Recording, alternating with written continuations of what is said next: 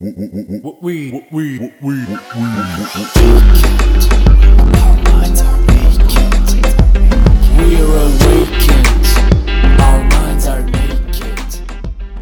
svima, ja sam Martina Đokić, a vi slušate podcast Mentalni nudista. Nalazimo se u epizodi broj 59, sezone 2. I u ovoj epizodi govorit ću malo o egu,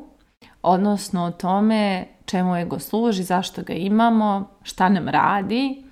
i da li je to nešto dobro ili loše, pošto često ljudi negdje vide ego kao neku lošu stvar,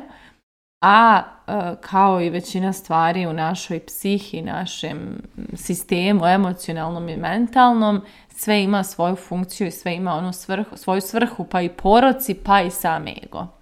Tako da, hajmo iz početka. E, kada je ego u pitanju, uglavnom važe neke negativne konotacije vezane za ego i to je uglavnom to kako je to, kad neko ima ego trip, on je ili egoističan i tako dalje, uvijek se to negdje predstavlja kao neki znak da je ta osoba na neki način loša i da je to što ima ego nešto vrlo negativno i čini je na neki način ili bezosjećajnom ili neotvorenom za feedback ili komunikaciju i slično a u stvari eh, ego priča nešto sasvim drugo o svima nama i ego ima neku eh, jednu funkciju koja je vrlo značajna i vrlo je zanimljivo pratiti, kada znamo to, vrlo je zanimljivo pratiti u kojim situacijama i u, čemu se naš ego probudio i šta pokušava da uradi. jednom davno, slušajući Srđana Roje, spominjala sam vam više puta, imate na YouTube-u, mislim se manifestiranje kanal, i uglavnom, jednom davno slušajući njega, čula sam jednu rečenicu koja je meni bila onako wow kada je u pitanju tema ega, a to je ego je telohranitelj duše. I od kad sam to čula, mislim, pre toga sam mnogo toga jeli, izučavala o egu i, i saznavala i spoznavala, ali nikad mi niko nije na tako jednostavan način ubao baš ono što jeste poenta ega. A poenta ega jeste da nas zaštiti, i to da nas zaštiti od svega u čemu smo uplašeni, slabi i nesigurni i da negdje na neki način pokuša da stavi doslovno štit ili zid između nas i tog nekog ili toga nečega što nas je dirnulo u neku našu slabost. I upravo tako ego tu služi kao jedan mehanizam koji prosto u trenutku kada nemamo kapacitet da se nosimo sa ranjivošću koja se u tom trenutku dešava, ego izleti i na neki način pokuša da nas zaštiti od te ranjivosti i da spriječi da se produbljuje dalje pipanje u tu ranjivost i, i dovođenje do toga da, da se primijeti koliko smo nesigurni, uplašeni i sl. I kada znate ovu stvar, jako je drugačije posmatrati i ljude koji iskazuju ego, ali i sebe kada nas odradi nešto na ego, odnosno kada nam se digne ego i pokušava da izvrši tu svoju funkciju. I sad kako možemo da razlikujemo ego od samopouzdanja? Pa ego baš ima u sebi tu neku borbenost koja onako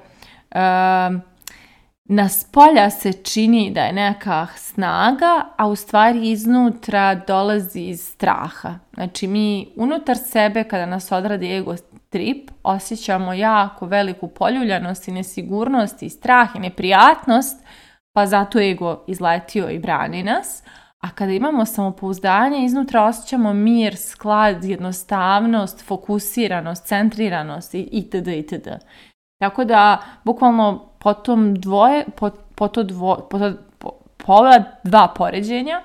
ili ovom jednom poređenju dvije stvari, mi možemo sada da negdje sagledamo šta je ego, a šta je samopouzdanje i da počnemo primjećujemo kod sebe u kojoj situaciji se naš ego probudio.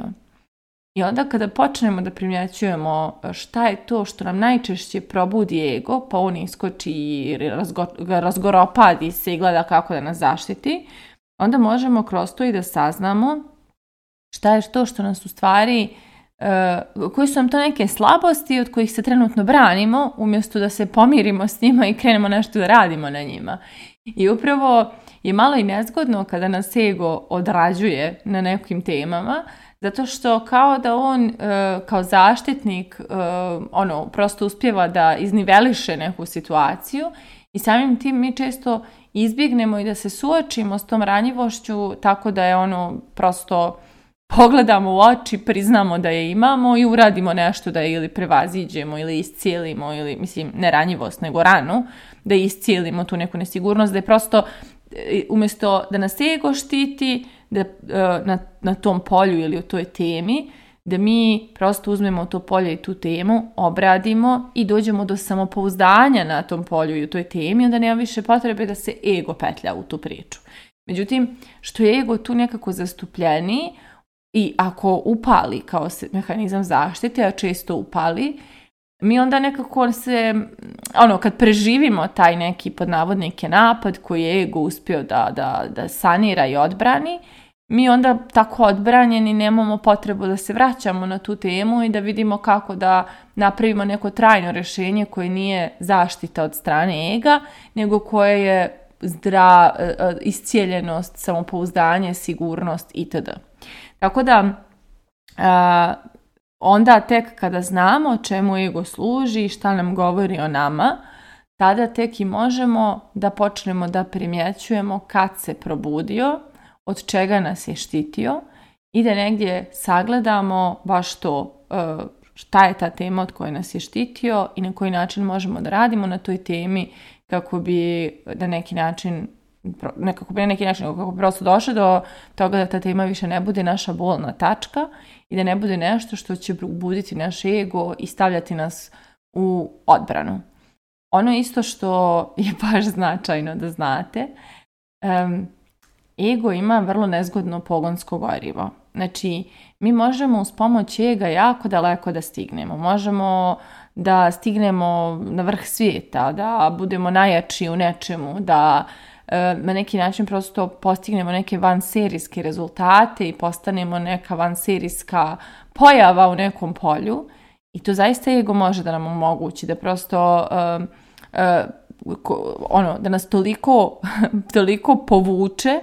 da mi iz potrebe da tu svoju slabost što više zaštitimo, guramo naprijed i pokazujemo sebe u nekom suprotnom svjetlu, ali ono što je nezgodno je da čak i ako stignemo daleko uz pomoć našeg ega, mi se osjećamo prilično iscrpljeno i nemirno i potrošeno, zato što je pogonsko gorivo ega strah. I onda koliko god mi daleko stigli, bustujući svoj ego, i koliko god e, dozvoljavali njemu da nas vodi i da on bude ta neka vučna sila ka, ka dokazivanju svoje vrijednosti, toliko nas to i dovodi u stanje burnouta i emocionalne iscrpljenosti i na kraju dana zaista i neke duboke nesreće, da budem potpuno iskrena, zato što činjenica je da mi gdje god da stigli uz pomoć njega na kraju dana liježemo sa ozbiljnom sumnjom da li smo mi zaista ta osoba koja to može, jer unutar nas postoji rana i slabost koje, smo sakrili za tog ega i koje nam govore da mi zaista mislimo da mi nismo toga ili dostojni ili nismo tome dorasli ili to možda ne možemo i tako dalje. Tako da e, pogonsko gorivo ega je nešto što nas spaljuje i troši i samim tim e, nije najzdravi način da se krećemo u životu i može, može privremeno biti korisno, može biti zadaci trenutak kada smo previše izloženi, osjećamo se previše ranjivo, a nemamo kapaciteta da to iznesemo. Ego može da bude super, um, super oslonac da se to prevaziđe, ali ako pustimo da sve vrijeme naš rast ili napredak ili koračanje u budućnost zavisi od toga koliko su naše slabosti trigerovane, pa se naš ego probudio, pa je on odlučio da dokaže da nismo baš toliko slabi koliko unutar sebe zaista osjećamo da jesmo. E, ukoliko to postane stil života, to je prilično toksičan stil života koji prilično košta. Košta zdravlja, košta mira, košta dobre životne energije i samim tim ne preporučujem, što bi se reklo. I također, um, kada se borimo protiv svog ega i pokušavamo da ga suzbijemo, mi na neki način se borimo protiv sebe, jer kao što sam u prethodnoj epizodi pričala o strahu i tome kako sam ga pustila da mi priča, tako i ego treba pustiti da nam ispriča to što ima da nam kaže. Da nam tačno prikaže gdje su nam toliko slabe karike da on mora da iskoči i, i zauzme stav i time on nama, znači naš ego nama upire prstom u mjesto gdje se bojimo, gdje smo slabi, gdje smo nesigurni i tu informaciju treba da iskoristimo. Zato i ne treba da se borimo protiv ega, nego baš treba da ga pustimo da nam ispriča što ima da nam kaže i kada e, nam ispriča, onda uzmemo to što smo saznali i uradimo nešto s tim na neki zdravi način, kroz podršku, kroz isciljenje, kroz rad na sebi i eto nama samopouzdanja i eto nama situacije u kojoj na istom tom mjestu više neće da iskoči ego, nego isko, iskočit će neki zdrav dio nas koji će prosto da stane iza toga šta jeste i da iz potpune sam sigurnosti zauzme stav. Tako da, što je potpuno neko drugo pogonsko gorivo, puno zdravije, puno lepše, puno produktivnije i puno više ispunjenja duševnog donosi. I također, prije nego što završim epizodu, važno mi je spomenuti ego u kontekstu drugih ljudi, odnosno sami znate, svi se mi susrećemo sa određenim ljudima koje često neki svoj ego stave pred nas i e, kada znamo ovo, da su to uradili zato što se boje, odnosno da je ego tu zato što se taj neko boji da prikaže šta se zapravo krije u dubini ili u pozadini tog ega, uh, potpuno je drugačije suočavati se sa tuđim egom i potpuno je drugačije e, osjetiti to što taj ego pokušava da iskomunicira. Jer ranije bi nas to možda povređivalo ili udaljavalo ili, ili čak i nas uvodilo stanje nebezbjednosti i nesigurnosti jer je neko pokazao svoj ego pred nama ili da možda izazivalo i kompleks niže vrijednosti ili šta god ili e, toga da nismo viđeni, saslušani, shvaćeni, ali u stvari sad trenutak je da kada neko stavi ego pred nas, shvatimo da ta osoba nema kapacitet za to što joj tražimo ili govorimo ili šta god zahtijevamo. Znači, ne može, ne boji se, i zato je taj ego sada tu i izašao je pred nas. Tako da je to i to je jedna vrlo, vrlo zanimljiva perspektiva i meni je nekako postalo žao kada vidim nekog ko neki ego ali izvuče ispred mene i, i ono prosto re, obraća mi se iz ega. Ja znam da toj osobi u toj trenutku nije dobro i samim tim prosto drugačije, drugačije emocije ja imam kada, kada se desi takva situacija, a isto tako i sebe posmatram i nekad me moj ego toliko napati i namuči oko nekih tema da ono, najradije bi da ga sklonim iz svog života jer toliko me tjera da glumim nešto što nisam u nekim odnosima, ali hvala mu jer mi govori gdje je još put ispred mene da se pređe da bih stigla do onoga što želim, do svoje autentične e, ideje kako to nešto postići ili uraditi ili kako sebe prikazati. Tako da moje pitanje za kraj ove epizode je da li, vas, da li puštate da vas vaš ego uči ili vas vaš ego jednostavno samo muči? Mislite o tome, a mi se družimo u narednoj epizodi.